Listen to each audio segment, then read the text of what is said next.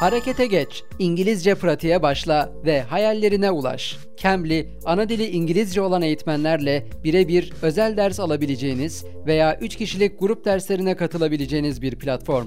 Hemen şimdi ücretsiz kaydol. cambly.com Kamera arkası. Medyanın, iletişimin, hatta toplumun dönüşüm geçirdiği dijital çağda kameranın arkasındakileri merak edenlere.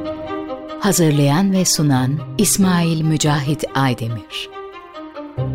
Herkese merhaba. Yeni bir podcastle birlikteyiz. Bugün günün sonunda ve tarafında kelimelerine karşı nasıl irrite oluşumu, nasıl uyuz oluşumu dinleyeceksiniz. Aslında uyuz olmuyorum da yani karşı değilim ama aşırı kullanımına karşıyım. Profesör Doktor Yavuz Yörükoğlu'nun güzel bir sözü var. Bir şey faydalı diye daha fazlası daha faydalı değil. Gerçekten öyle. Bunu bence kelimelere de vurabiliriz. Bir kelime yerinde kullandığımızda çok anlamlıysa onu daha fazla kullandığımızda daha anlamlı hale gelmiyor. Hatta belki de bir kelimeyi çok tekrar ettiğimizde anlamını yitiriyor. Neyse Direkt konuya daldık. Yeni bir podcast bölümündeyiz. 2024'ün ilk günündeyiz. 1 Ocak bugün ve takvimler 1 Ocak'ı gösterirken aynı zamanda pazartesiyi de gösteriyor. Bu yani her zaman denk gelmeyen bir şey. Gerçekten yeni bir şeye başlama için ideal bir gün. Spora başlamanın, diyete başlamanın ideal bir günü belki de. Şimdi ben bir süredir bu podcast'i ihmal ettiğimin farkındayım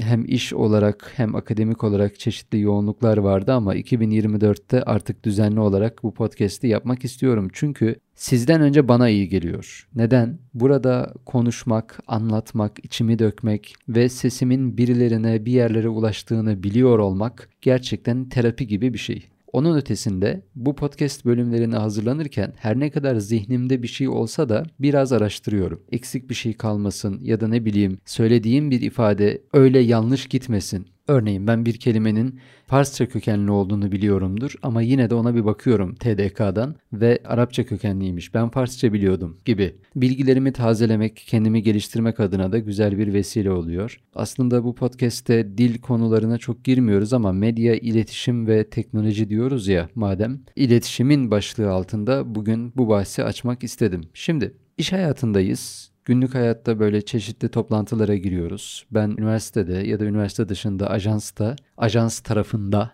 toplantılara giriyoruz ee, ve bu toplantılarda sık sık iki kelimenin çok sık kullanıldığını hatta insanın sinir edici seviyede kullanıldığını görüyorum. Kelime demeyeyim günün sonunda bir kelime grubu yani ifade diyelim. Bu iki ifadeyi neden bu kadar çok kullanıyor insanlar? Bunu anlamaya çalıştım biraz. Bu bir zihin tayfı, bir zihin kurcalaması.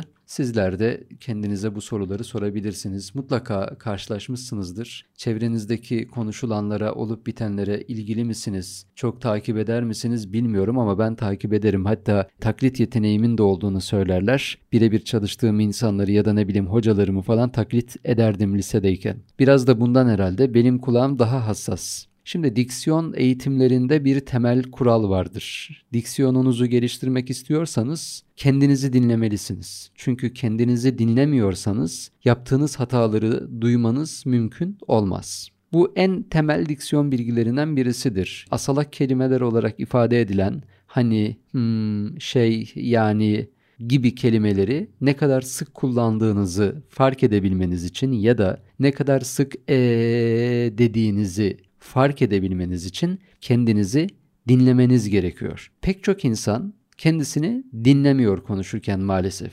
Bahsettiğim gibi toplantılara katılıyoruz ve bu toplantılardaki konuşmaları ben dinlerken bazen o kadar rahatsız oluyorum ki aşırı derecede bir günün sonunda kullanımı var. Şimdi İngilizceden dilimize geçmiş bir deyim bu. Eskiden bu kadar sık kullanılmazdı. İngilizce'de bir sorunu ortaya koyarken şöyle ifade edilir. End of the day it will be like that yani bu bir deyim günün sonunda şöyle olabilir gibi bir deyim. Yine at the end of the day diye de söylenen bir ifadedir. Bunun Türkçe karşılığı zaten var. Sonuçta, böylece, netice itibariyle gibi. Bunları kullanabiliriz. Buna rağmen yine de günün sonundanın kullanılmasına karşı değilim. Çünkü ben şöyle düşünürüm. Milli bir zevkle harmanlanan her ifade millidir. Nihat Sami Banarlı böyle der Türkçenin Sırları kitabında.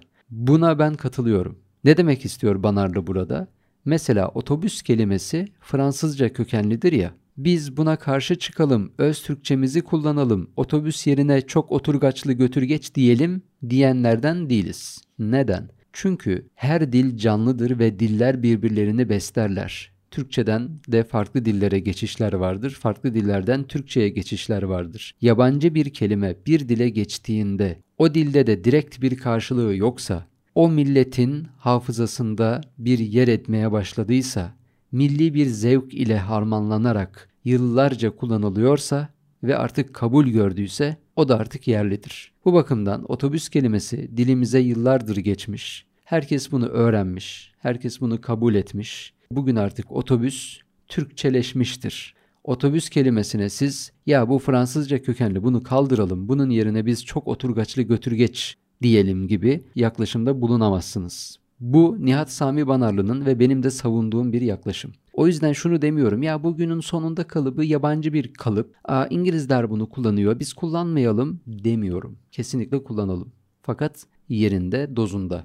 Şimdi günün sonundayı siz iki kere kullanırsanız çok anlamlı da hatta Koray Birant var moda fotoğrafçısı çok da başarılı bir isim. YouTube kanalında videolarını izleyebilirsiniz. Koray Birant günün sonundayı öyle güzel kullanır ki öyle de yerinde kullanır ki haz duyarsınız onu izlerken. Çünkü gerçekten anlattıklarıyla da ilgilidir. Mesela bir moda fotoğrafı setinin sonunda bir açıklama yapar. Teknik olarak konuşmalar yapar. Der ki bugün şu lensi kullandım, bu kamerayı kullandım. Aslında şatırı şöyle yapabilirdim, diyaframı böyle yapabilirdim ama günün sonunda bu şekilde de oldu gibi. Hakikaten günün sonunda konuşuyor zaten gerçek anlamda da. Bak hiç sırıtmıyor, çok da güzel duruyor ama siz bunu günde iki kere değil de 56 kere kullanırsanız bu itici olmaya başlıyor. Ve maalesef son dönemde çakma entellerin kullandığı bir kalıp haline geldi. Ben mantıkla olayları sorgulayan bir insanım. Kullandığınız bir kelimenin kullanımı mantıklı değilse, anlamsız ve yersiz bir kullanım varsa bu beni rahatsız eder. Toplantıdasınız, görevli geliyor. Ne arzu edersiniz, çay mı kahve mi diye. Esasında çayı çok severim ama günün sonunda bir kahve içilir. Günün ne diyorsun dayıcım? Günün sonu değil ki daha saat 11. Neyin gününün sonu yani? O, onun kullanım yeri orası mı? Ee, bu mantıksızlık beni sinir eden şey. Bir diğeri de tarafında. Bu da yine özellikle yazılımcıların kullandığı bir ifadeydi. Aslında kullanım açısından hiç de anlamsız değil. Çünkü yazılım geliştirirken, örneğin mobil uygulama yazılımı geliştirirken bir iOS tarafı var, bir de Android tarafı var. O yüzden yazılımcıların iOS tarafında, Android tarafında demesi ya da kullandıkları dil ile ilgili işte Java tarafında, ne bileyim Flutter tarafında gibi kavramlar kullanmaları aslında normal ve yerinde. Ama bazıları var ki bunu abartırlar. Bir paylaşım bir caps'ten söz edersin. Twitter tarafında hiç görmedim bunu ama Instagram tarafında çok paylaşıldı falan.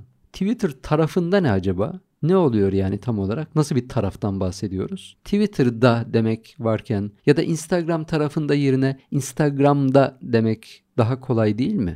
Daha da ötesini söyleyeyim. Bu dil şimdi dijital pazarlamacılara da bulaştı. Bir süredir onlar da bunu sık kullanıyorlar. Meta tarafında, Google tarafında, SEO tarafında şöyle bir çalışma yapabilirsiniz. Artık bu kalıp ifadeleri duymaktan bıktık gerçekten anlamsız ve yersiz bir kullanım görüyorum. Çünkü burada meta üzerinde, metada, meta panelinde gibi birçok spesifik ifade kullanılabilir. Çünkü bahsettiğiniz konu bütçeyle mi ilgili, yazılımla mı ilgili, panelle mi ilgili yani neye dair bahsediyorsunuz? Mesela meta tarafında sorunlar yaşıyoruz. Ne sorunu mesela? Şöyle dese Meta'nın panelinde sorunlar yaşıyoruz dese biz onun yazılımla ilgili bir sorun olduğunu anlarız. Ya da Meta'daki bütçelerde bir problem var dese biz onun bütçeyle ilgili olduğunu anlarız. Ama Meta tarafında bütçe sorunu var diyor. Meta tarafında ne? Ne oluyor yani onu deyince entel mi oluyorsun? Ya da o plaza dilini içselleştirmiş mi oluyorsun? Son derece basit, kolaycı ve plaza dili özenticiliği gibi geliyor bana. Bilemiyorum. Neyse Özet olarak hepimizin hataları var. Hepimiz de dilimizi mükemmel konuşamıyoruz. Ama en azından böyle bir çabamız olsun. En azından diksiyonumuzu, etkili iletişim becerilerimizi geliştirmek istiyoruz ya. Kullandığımız kelimeleri önce kendimiz dinleyelim. Kullandığımız asalak kelimelerden, anlamsız yersiz kullanımlardan, anlatım bozukluklarından, sürekli ee demekten önce kendimizi arındırmaya çalışalım ki Daha sonrasında başkalarına faydamız olsun ya da örnek olalım. Bilmiyorum. Neyse bugünlük bu kadar. Görüşmek üzere. Bu arada YouTube'a girdim ben 2 hafta önce. 2024'te planlıyordum. 2023'ün sonunda girdim. Artık YouTube videolarıma da bakabilirsiniz. Podcast ile başladık. Podcast yayıncılığına dair sorular vardı. Onları e, şimdi derledim. Podcast tarafında videolarımız bitince dijital pazarlama tarafında, medya ve iletişim tarafında bambaşka videolar da hazırlamaya devam ediyorum. YouTube tarafına da sizi ne diyorum ben ya? Evet, tarafında. Neyse. Görüşürüz. Kendinize iyi bakın. Hoşçakalın.